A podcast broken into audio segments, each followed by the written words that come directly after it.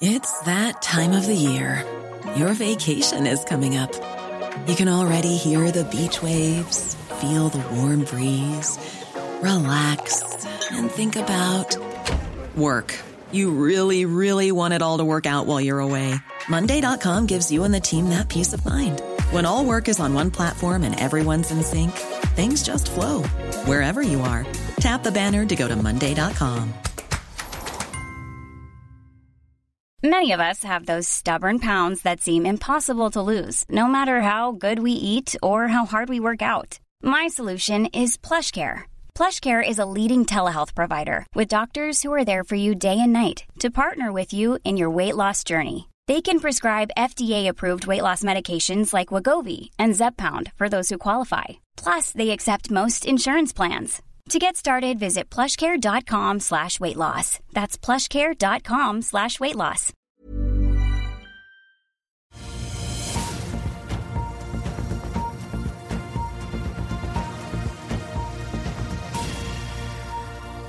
En riktig god torsdagsmorgen alle sammen, og velkommen til Børsmorgen her hos oss i Finansavisen. Mitt navn er Marius Lorentzen, og med meg er aksjekommentator Karl Johan Månes på denne siste børsdagen i måneden i det kalenderen altså viser 31. august. Vi er inne fra Smestadammen her i Oslo, og i sendingen i dag så ser vi på lysglimt i tallene fra Norse Atlantic. Vi skal snakke med Storebrands Olav Chen. Det blir mer om havvindtrøbbel hos Ørsted, og om dette kan eh, påvirke Equinor. Ellers på agendaen i dag, det er en ny sjef i Next Biometrics, Solstad Offshore mellom nye kontrakter. Vi får kvartalstall fra selskaper som Advinta, Cool Company, Statkraft Statkraft og mange mange flere. Og så venter vi selvfølgelig da på inflasjonstallene i PC-indeksen i USA 1430. Det kommer KPI-tall fra eurosonen 1330. Og så går Hafnia, Okianis og Rana Gruber da x utbytte. Merk også at eh, offshorerederiet Doff har invitert til sin første kapitalmarkedsdag etter børsnoteringen, og den skal avholdes den 19. september. I markedet for øvrig, før børsen kommer i gang, så er det verdt å merke seg at vi da endte opp 0,4 på hovedindeksen her hjemme i går. DNB og Nordnett venter en svak oppgang på mellom 0,1 og 0,2 i dag, med relativt små utslag i de europeiske futuresene.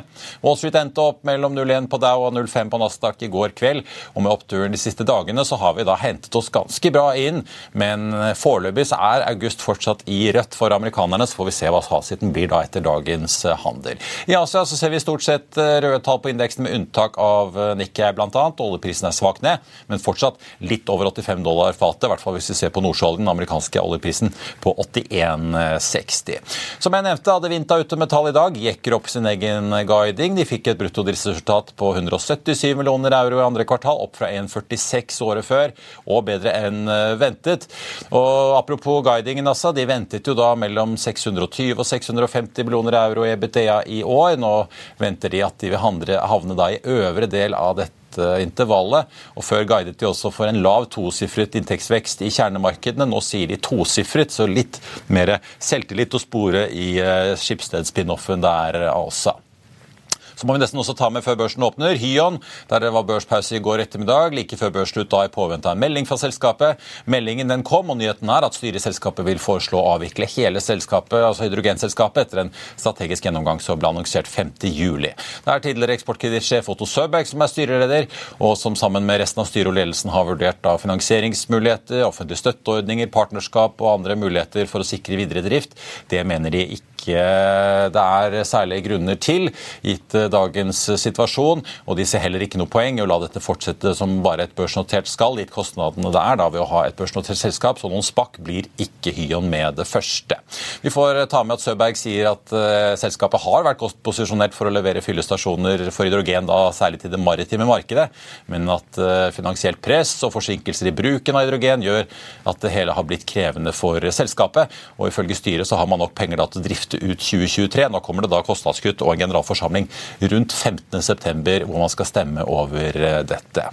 Før vi tar inn dagens gjest, må jeg også bare nevne Norse Atlantic, flyselskapet som jo har plukket opp hanskene etter at Norwegian ga opp langdistanse. Ute med tall nå for andre kvartal. De hadde sin første lønnsomme måned i juni, opplyser de, og de mener at den positive trenden vil fortsette inn i tredje kvartal, som jo også omfatter da selve høysesongen for uh, selskapet og uh, næringen. Uh, får vi si, da brutto driftsresultat utenom leasingkostnader endte så vidt i pluss i andre kvartal. På bunnlinjen endte det ferske flyselskapet med et tap på 35 millioner dollar, omtrent en halvering fra første kvartal, så ting går jo i hvert fall riktig vei. Konsernsjef Bjørn Tore Larsen sier at tredje kvartal forventes å bli vårt første kvartal med positivt resultat. Overgangen til lønnsomhet skyldes i hovedsak at alle 15 fly i flåten genererer en inntekt eh, for første gang da fra 1.7. Så vi også ta med at kontantbeholdningen økte gjennom andre kvartal fra 42 til nesten 60 millioner eh, dollar. Vi skal få inn Olav Chen og er tilbake rett etter dette. Vil du bli oppdatert på det viktigste som har skjedd innen finans og næringsliv? Da er det bare å følge med, for hver morgen er jeg, Marius Lorentzen og aksjekommentator Karl Johan Malnes på plass i studio for å ta tempen på dagens marked i Børsmorgen. Og hver ettermiddag oppsummerer vi alt du trenger å vite i økonominyhetene, og det blir selvfølgelig masse interessante gjester. Klikk deg inn på fa.no-tv, eller søk opp Børsmorgen og Økonominyhetene der du hører på podkast. I'll see you in court. Vi sier det ofte litt på spøk, men for deg som driver business, er det aldri moro å innse at du ikke har laget en 100% gyldig kontrakt. Du bør ikke risikere hele firmaet ditt fordi du synes dette med kontrakter er litt stress. En avtale er ikke en avtale. Du kan miste kunder, miste venner, ja, til og med miste inntekter om du ikke lager en skikkelig kontrakt, på alt mulig, egentlig. Men vi vet det er et styr. Kopimaskiner, tregprinter og haugevis av papir. Dessuten stoler vi jo på folk her i landet. Det er ofte litt kleint å skulle be om en signatur for alt mulig, ja, for mye av styret handler også om jakten på underskriften. Det finnes en enkel måte å løse dette på, Dukkobit, en trygg, effektiv og get this, gratis måte å sikre seg en god natts søvn pluss en juridisk bindende avtale. Dukkobit-appen har de strengeste sikkerhetskrav i bunn, samt en EU-godkjent og sertifisert teknologi. Framover vil det bli behagelig å spørre du, skal vi skrive under på det, eller? Kom i gang på dokobit.no.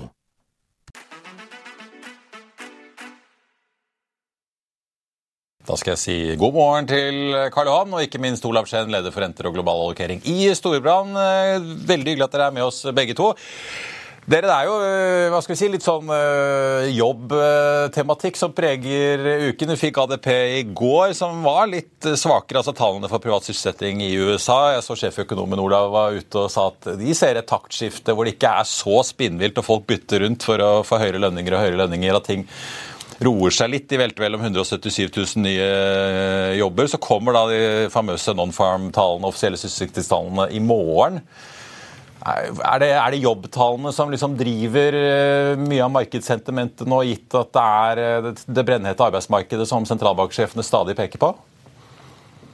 Ja, det tror jeg. At fokuset skiftes eh, mot arbeidsmarkedet. Spesielt etter at inflasjonstallene har kommet ned. I USA så kom jo inflasjonstallene ned mot tretallet over sommeren. Så på en måte du har tatt den litt ut av ligningen, i hvert fall med tanke på sentralbankene. Så det er nok eh, jobbmarkedet og spesielt eh, stramheten der som jeg tror påvirker eh, den amerikanske sentralbanken fremover, og markedene. Og ikke minst signaler eller tegn på om man går mot en myk landing eller en hard landing, eller resesjon. Det som det ikke er noe tvil om, er at den arbeidsledigheten har vært rekordlav. Eh, vi ligger fortsatt og skraper de laveste nivåene siden 1953. Så, så, nedsiden herfra er egentlig veldig liten i forhold til at den kan falle ytterligere. Den går jo ikke mot null eh, i USA. Eh, men eh, det folk forventer nå, eh, er jo det man kaller soft landing. Det er på en måte det andre store over sommeren også, mener jeg. da. Narrativet soft landing har nok fått mange flere tilhengere nå. Eh, og Det skyldes jo at inflasjonen har kommet ned, og at man faktisk ser tegn som du sier, til at arbeidsmarkedet softer litt. Men sant, igjen da, de fleste økonomer, inkludert meg, er eh, kall det historikere. Vi ser tilbake til mm, tidligere resesjoner. Eh, arbeidsledigheten spesielt, og i USA, har en tendens til å ta trappen ned, men heisen opp. Og heisen opp er jo det som er den klassiske resesjonen og har landingen. Så, så ja, jeg tror markedet og sentralbankene kommer til å fokusere på arbeidsmarkedet, selv om alle vet også at arbeidsmarkedstallene er de makrotallene som også er de som er mest etterslepende. Men det er der du får en kall det på godt norsk confirmation, eller en på en måte bekreftelse om du får en myk eller hard landing. da. Ja, for Det virker jo som, eh, i hvert fall i markedet, at det prises inn eh, nå i stadig større grad at eh, det kanskje bare blir en, et kvart prosentpoeng til fra den amerikanske sentralbanken. som jo legger jo kanskje litt av premissen også for hva som skjer her i Europa. Og at den kanskje ikke kommer nå på septembermøtet, men heller kanskje i november. Hvis det da likevel kommer en økning i september og taktene fra Federal Reserve blir litt annerledes, blir det da, kommer det da til å komme store utslag i markedet, tror du? Jeg tror det fortsatt er sensitivt, eh, men de kommer ikke til å heve med mindre de på en måte er sikre på at uh, resesjonen, ikke står rett overfor uh, oss. Så, så, Sånn sett er det gode nyheter også. Så, så, jeg tror det heller er med en, en mindre korreksjon i markedene i så fall. Men jeg, titta på prisingen rett før, før, sendingen her også. Det er priset inn tolv punkter innen november. Så det er jo ikke priset inn heving heller. Så rentetoppen er egentlig priset inn. eller jeg liker det nye denne gangen her også, det vi kaller eh, high for longer. Jeg, jeg kjøper litt den. ikke sant, at man Istedenfor å prate om en rentetopp, så prater vi om eller renteplatå. da, kanskje at det tar litt de lengre tid. Ikke, de kommer ikke til å slippe? Kommer ikke til å slippe, nei, ikke sant, at, at de kommer til å holde nivået oppe uh, uh, lengre. da. Den, den, kjøper jeg faktisk, med tanke på det vi ser av inflasjonsdynamikk og lønnsdynamikk og, og de tingene der. så jeg tror, jeg, jeg tror rentetoppen er nådd. Jeg tror ikke nødvendigvis det kommer til å heve i november. Men for de som tror at rentekutt er rett rundt hjørnet, så tror jeg det er for optimistisk. Eh, det kommer i så fall hvis du får veldig dårlige nyheter rundt arbeidsmarkedet. Da. At du faktisk ser en markant økning, at vi faktisk står i en resesjon. Men det er jo heller ikke godt nytt for markedet, hvis du, hvis du, skjønner. Så jeg tror ikke de kommer til å gi etter så fort med en insurance cut eller whatever. Eh, jeg tror de kommer til å, til å holde eh, nivået høyere lenger enn nå enn det som man har gjort tidligere. Men det, det, har jo skjedd noe viktig denne uka. og det er jo at eh, FDIC, altså uh, innskuddsgarantiordninga, har bedt uh, de ti største bankene om å øke inn, innlånene med 25 da. Og Det er jo fordi at balansen deres er for svak. Ja, det vil jo gå da fra bank nummer 5, 6, 7, 8, 9 og 10 som vil måtte gjøre dette. her. Og Allerede nå så gir det utslag i at de må redusere de har tre år på seg til å gjøre dette. Og, og eh, Den umiddelbare ryggmargsrefleksen det er jo da at OK, eh, vi kan også redusere lån. så de har tatt kontakt med kunder, og kunder, kunder som er sterke, får, ganske, eh, får økning i lånene. Og da går du til de store. Så Allerede her så, så, begynner man da å merke stresset ved at eh, kapital er en kostnad, og at du, du utvider da, Du gjør altså bank nummer 5, 6, 7, 8, 9 og 10 like sterk som de fire største, for, for å liksom sikre og tilgangen, Enda flere too big to fail, holdt jeg på å si. Ja, ja, ja. Så det tilgangen, tilgangen på kreditt det er det som skiller et utviklingsland fra et, eh, et industriland. Og det er jo at du kan bruke din framtidige kjøpekraft til å handle noe i dag. Og, og når du skjærer kreditten, de, de, svake bedriftene som rammer dette, de, det er veldig mange bedrifter som bare må stenge ned på dagen, for de får ikke tilgang til kreditt. Uh, og det skaper jo da umiddelbar økning i, i arbeidsledighet. Og han uh, Tony Dwyer han sa at arbeidsledigheten tar av som en rakett. Eh, han er lei av å høre heiseksempel. Han sier det, vi vet at det tar av som en rakett, vi må ikke lure oss sjøl. Eh, og, og, når det skjer, da er det, da er det, det, da er det liksom when the shit hits the fan, it's too late to Det, det blir mer eh, jeg på å si Elon Musk enn Otis og kone, ja. Olav. Men apropos det, da, hvis dette scenarioet som du beskriver, da, med at vi får et sånt platå som holder seg ganske lenge Altså Som investor, det blir jo et ganske annet marked å operere i fremover. da. Mange bedrifter skal jo som med tiden selvfølgelig refinansiere lån og sånn. Hvis vi hadde fått en sånn veldig topp og så kutt igjen neste år, så hadde jo mange finansdirektører kunnet puste lettet ut, for de hadde kanskje fått refinansiert neste år eller i, i 2025 på langt lavere rater enn et scenario hvor man bare holder seg på det rentenivået på 4-5. Ja, men Det er jo på, med det premisset at, eh, at, eh, det ikke blir den raketten eller heisen som vi pratet om da, med arbeidsledighet. Hvis, hvis, det skjer, så er all bets off. Da vil jo de begynne å kutte igjen. ikke sant? Eh, men man må tro kanskje at um, sykelen forlenges noe. Og så er det helt riktig det som ble nevnt her, at kreditten strammes inn. Og den, det startet og det ble forsterket etter regionalbankkrisen i april, var det vel. ikke sant? Hvor du så en del kapital gikk fra bank, banker, små banker til pengemarkedsfond. Og da har ikke bankene, de små bankene spesielt, eh, innskuddsdekning og kan låne penger. Og så får du den, også den eh, eh, mot sterkere banker. Og på toppen av dette, som det også ble nevnt, så virker pengepolitikken med etterslep, som du nevnte. Det tar tid. I, I, USA, spesielt husholdninger, har jo kaller fast rentelån, fastrentelån. Men også bedrifter er jo på fastrentelån. Så når, når, de må refinansiere, eller rulle som vi kaller det, da, så går det jo det her gradvis. Og da blir jo det sjokkartet ny pris på lån eller kreditt eller kapital. Og det er den effekten sentralbankene ønsker også, selvfølgelig. Og den vil jo gradvis på en måte materialisere seg i økonomien. Og så er jo frykten, eller som vi, ser nok litt tegn til det nå, spesielt på job openings, at uh, flere og flere merker dette her. At uh, tilgangen til kreditt blir lavere. Men det fører også til lavere etterspørsel fra husholdningene. Og det må gradvis si at folk uh, blir satt opp. Men det må komme til en det jeg kaller sånn inflection point, eller et punkt hvor du får en selvforsterkende dynamikk. Hvor oppsigelser fra bedrifter fører til lavere konsum, og lavere konsum får enda flere eh, eh, oppsigelser. og nedbemanninger. Ja. Også nedbemanning. Det er det som på en måte er den negative spiralen med resesjon.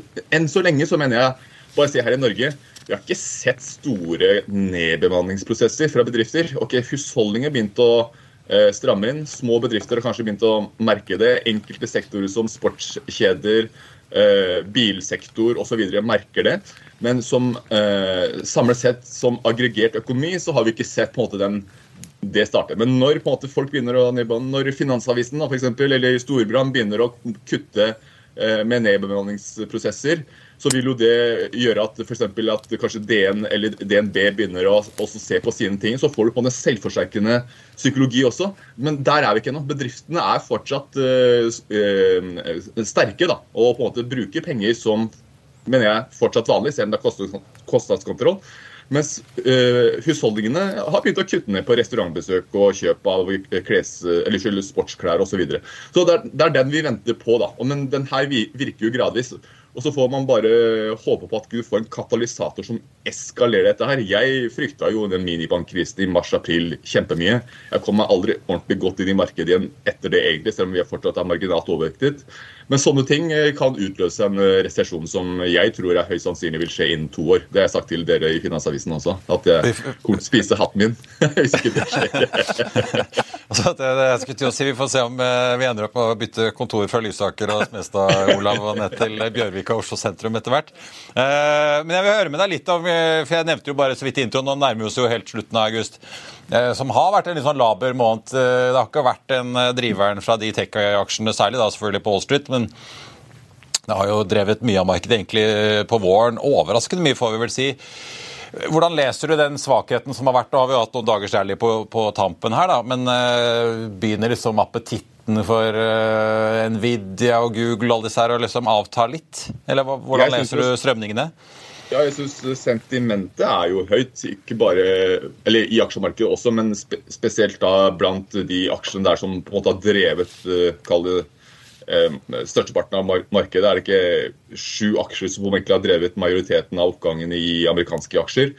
Eh, om det er boble eller ikke, ja, det er jo helt klart noe i det. Men ofte så er, får det jo sant, Alt eh, dreier seg nesten rundt AI. Hvis du skal ha en bedriftsgreie, så kommer det ikke noe utenom at det er en post med AI. Så du får jo litt sånn vibber om at det kanskje litt, litt overhypet, selv om jeg tror på en måte det vil, vil om ikke revolusjonere, så vil det bidra til et teknologisk skift. da. Men eh, ja, jeg tror sentimentet, og spesielt den hypen der, er kanskje i øvre del.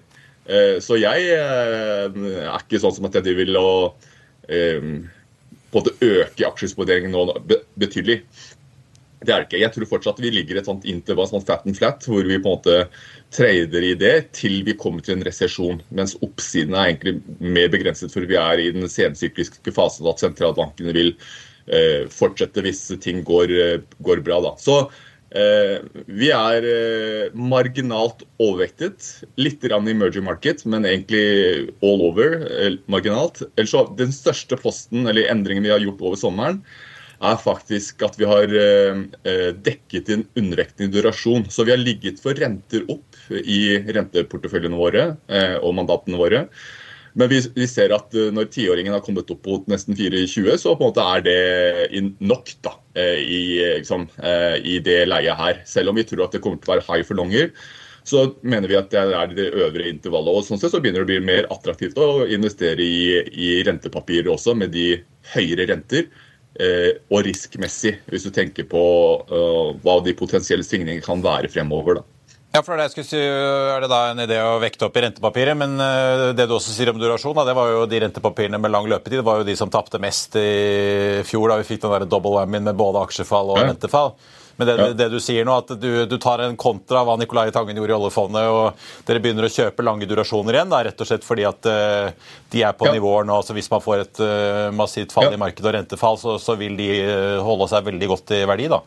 Ja, nei, Det er mer å dekke inn de posisjonene vi har hatt, hatt, hatt. Så De beste posisjonene vi har hatt, er de undervektene vi har i rente, rente, rentepostene våre da, på durasjon. Så det er ikke sånn at vi kommer til å tjene penger på det nå, men det er bare at vi kommer ikke til å tape. Vi, vi alle, alle, inkludert Nicolai Tangen, har jo en benchmark å forholde seg til. Så vi har gått mot benchmark-vektene når det gjelder renteposisjoner og durasjonsvekter. Da. Vi, eh, men det å være undervektig durasjon har jo nesten, faktisk vært eh, en av de beste posisjonene vi har hatt de siste to årene. Men de har vi dekket inn nå, da, for de har kommet inn på det respektable nivåer. Eh, det kan selvfølgelig stige litt noe mer, men vi ser oppsiden på lange renter er nå mer begrenset. Da.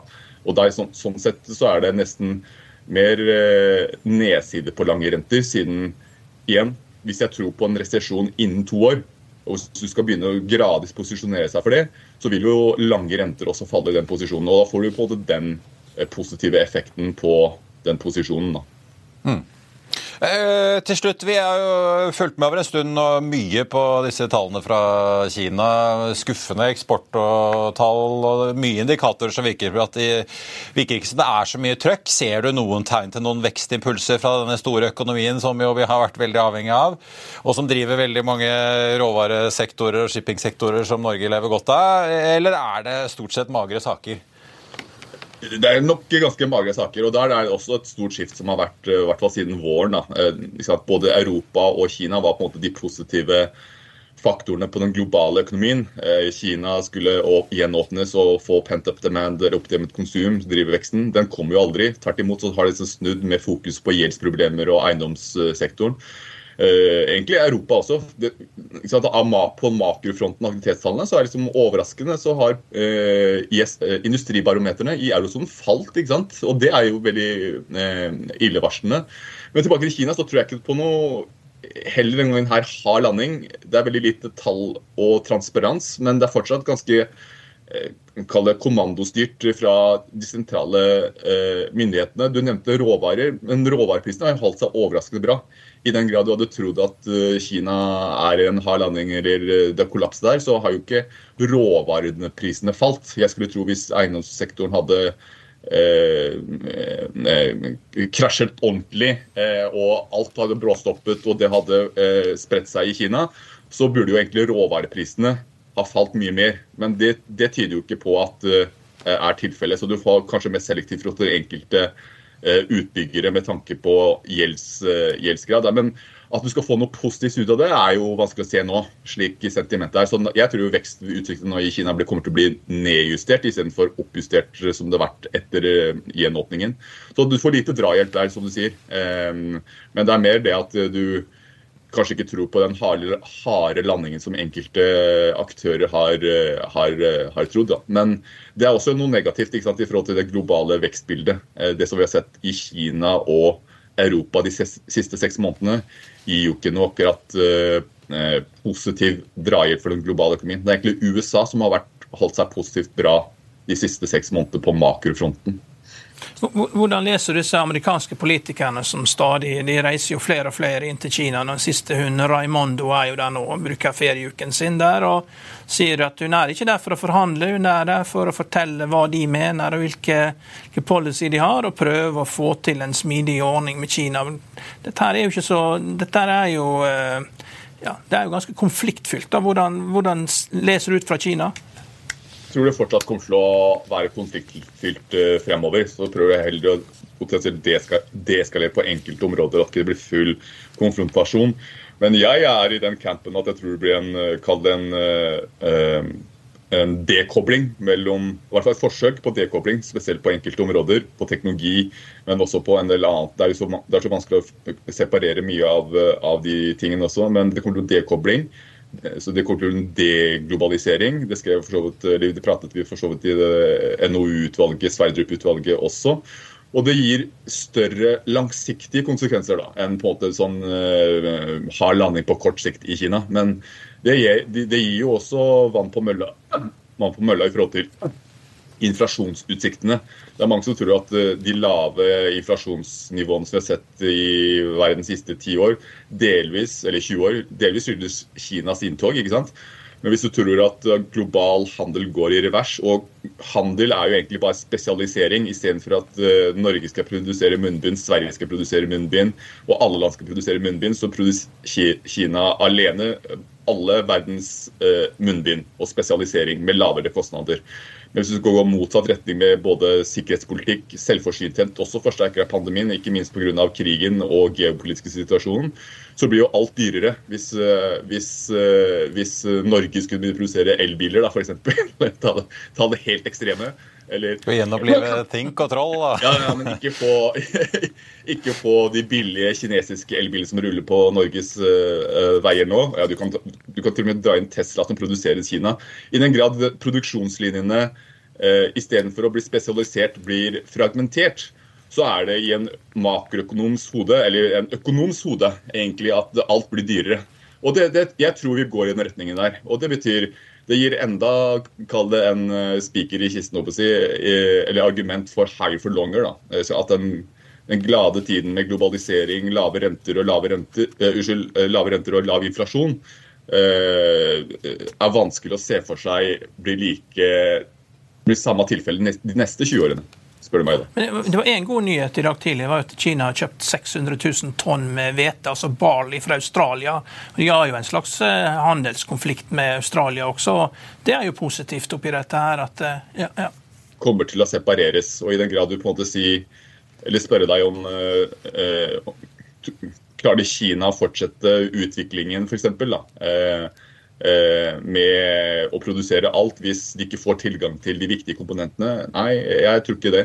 Og motsatt også. Det kommer til å gå motsatt eh, vei.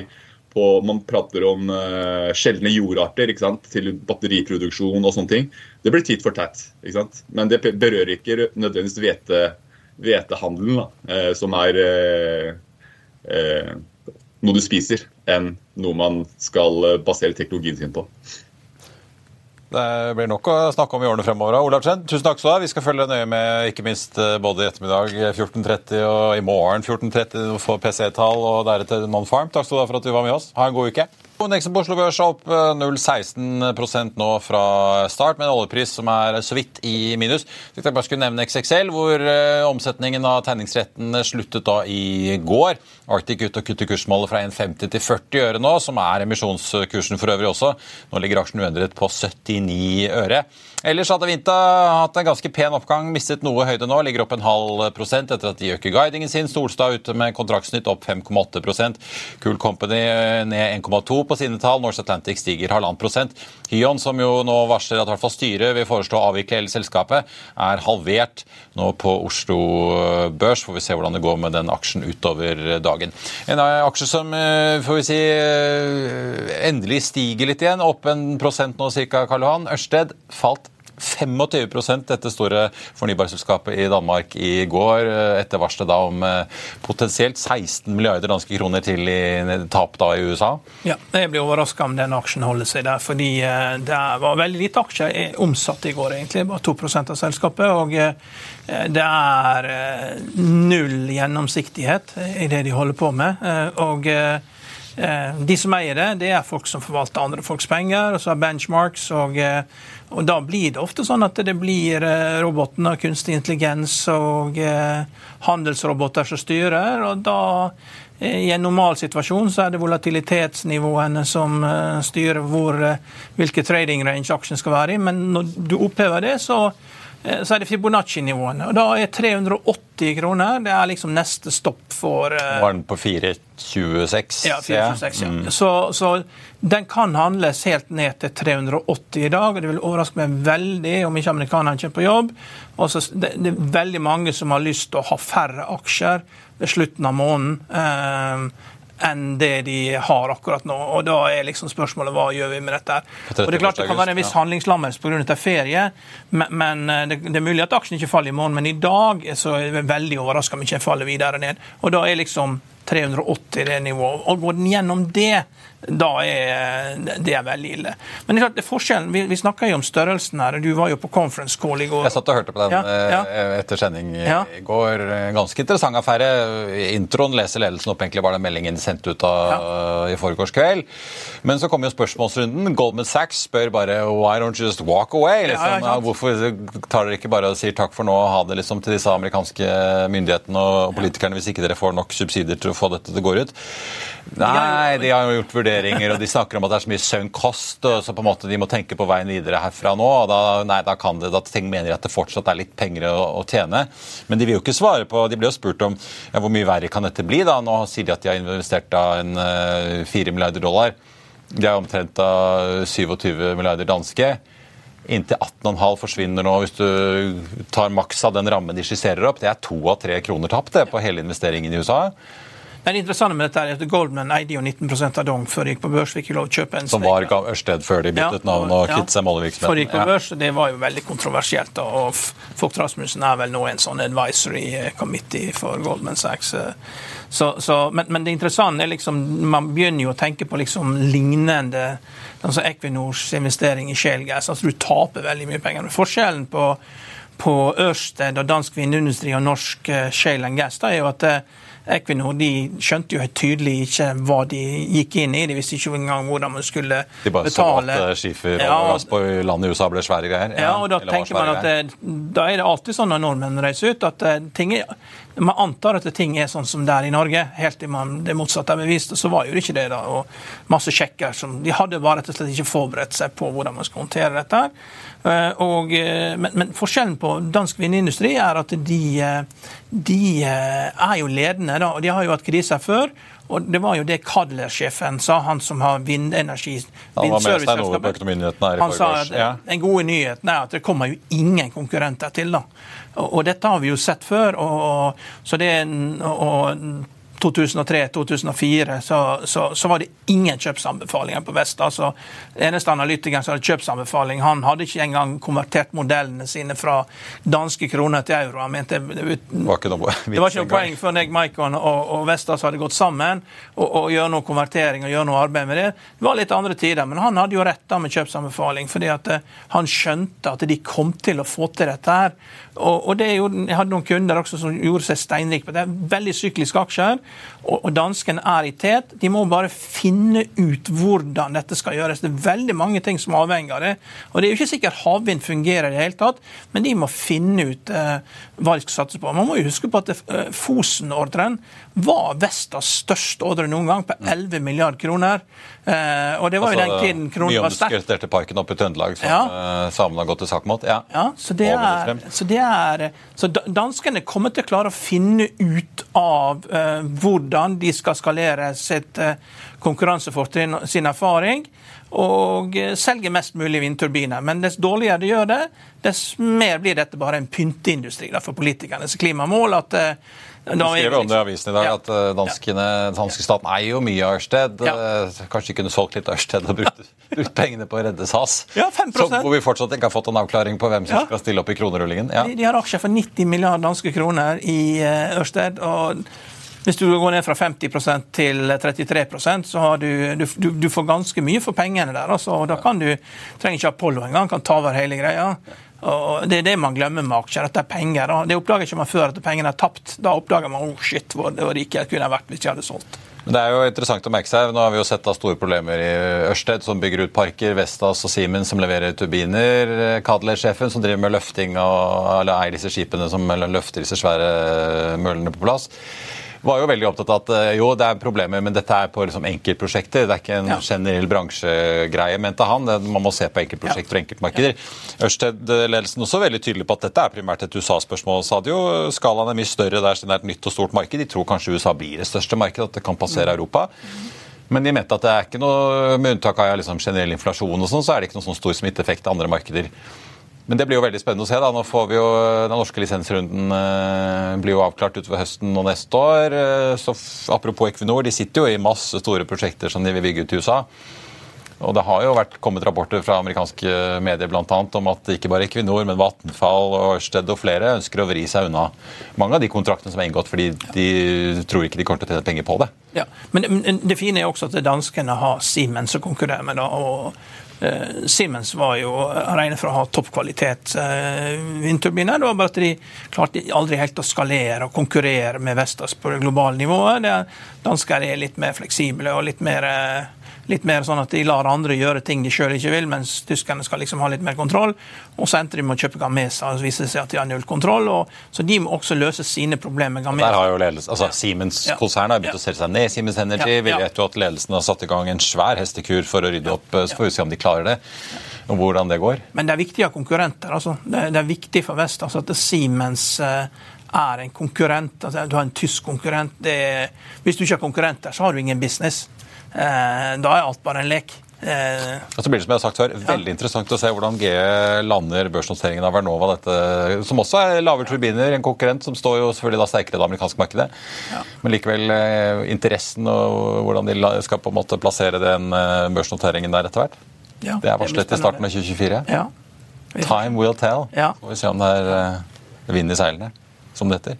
Ellers, Karl, vi har jo snakket mye om Nvidia. Jeg tenkte bare kort, Vi må jo også nevne amerikanske politikere ser ut til at fortsetter å stramme inn grepet. De har jo allerede annonsert eh, eksport, mer eksportkontroll på eh, eksport til Kina av eh, teknologi som kan brukes til AI. Nå er det også noen land i Midtøsten som skal komme på noen svarte lister, fordi at de har for tette bånd til Kina, virker det som. Ja.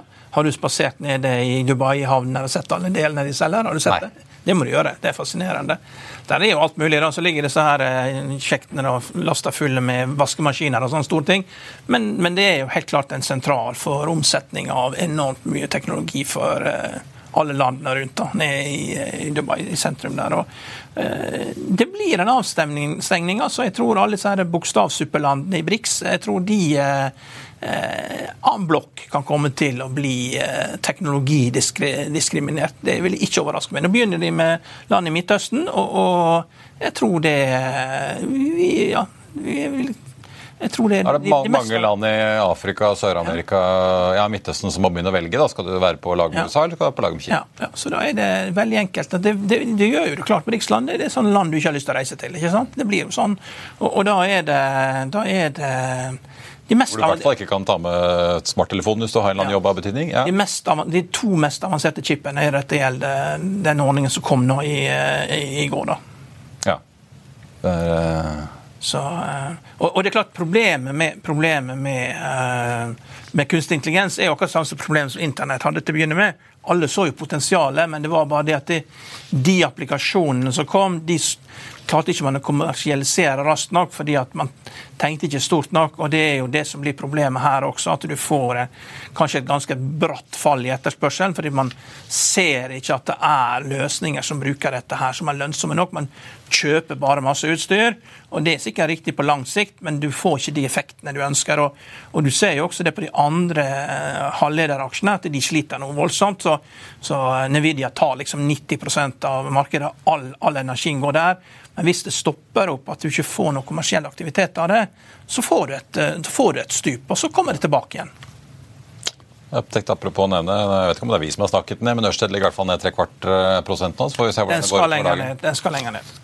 Eh, Mark det, vi har ingen påvirkning på kursene, Marius. Det er pengene som styrer kursene. Og det er store penger. Det har ikke vi. Det høres lurt ut. Nei. Kanskje du. På tampen tenkte jeg bare å ta med Nordic, eh, noen aksjenyheter som er artig å få med seg. Nordic Semiconductor ned drøye 2 i dag. Barclays starter dekning av eh, den norske teknologiaksjen med en salgsanbefaling. Kursmål 1,25. Endte da på 130 kroner i går. Nå ligger den på 1,27. Cool Company ute med tall. LNG-selskapet til Tor Olav Trøim ned en drøy prosent på børsen nå. Fikk et justert resultat da på 59,9 millioner dollar i andre kvartal, mot da 31,6 i kvartalet før. Utbyttet blir 0,41 dollar per aksje. Og Så er det da Next Biometrics, som jeg sa, hvor det er annonsert et sjefsbytte. Aksjen ned nesten 6,5% nå.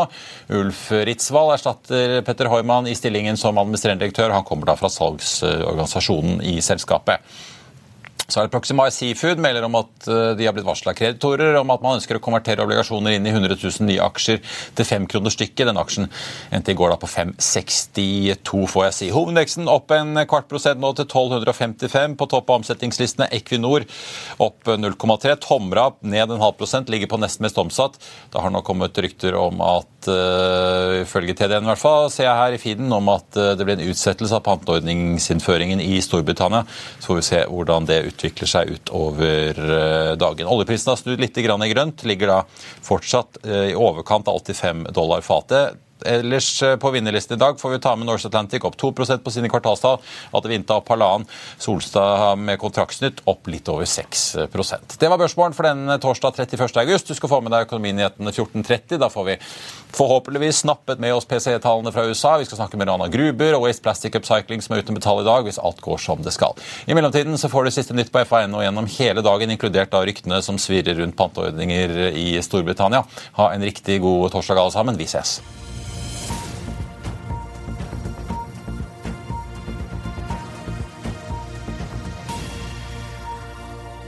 Økonominyhetene er en podkast fra Finansavisen. Programledere er Marius Lorentzen, Stein Ove Haugen og Benedikte Storm Bamvik. Produsenter er Lars Brenden Skram og Bashar Johar. Og ansvarlig redaktør er Trygve Hegnar.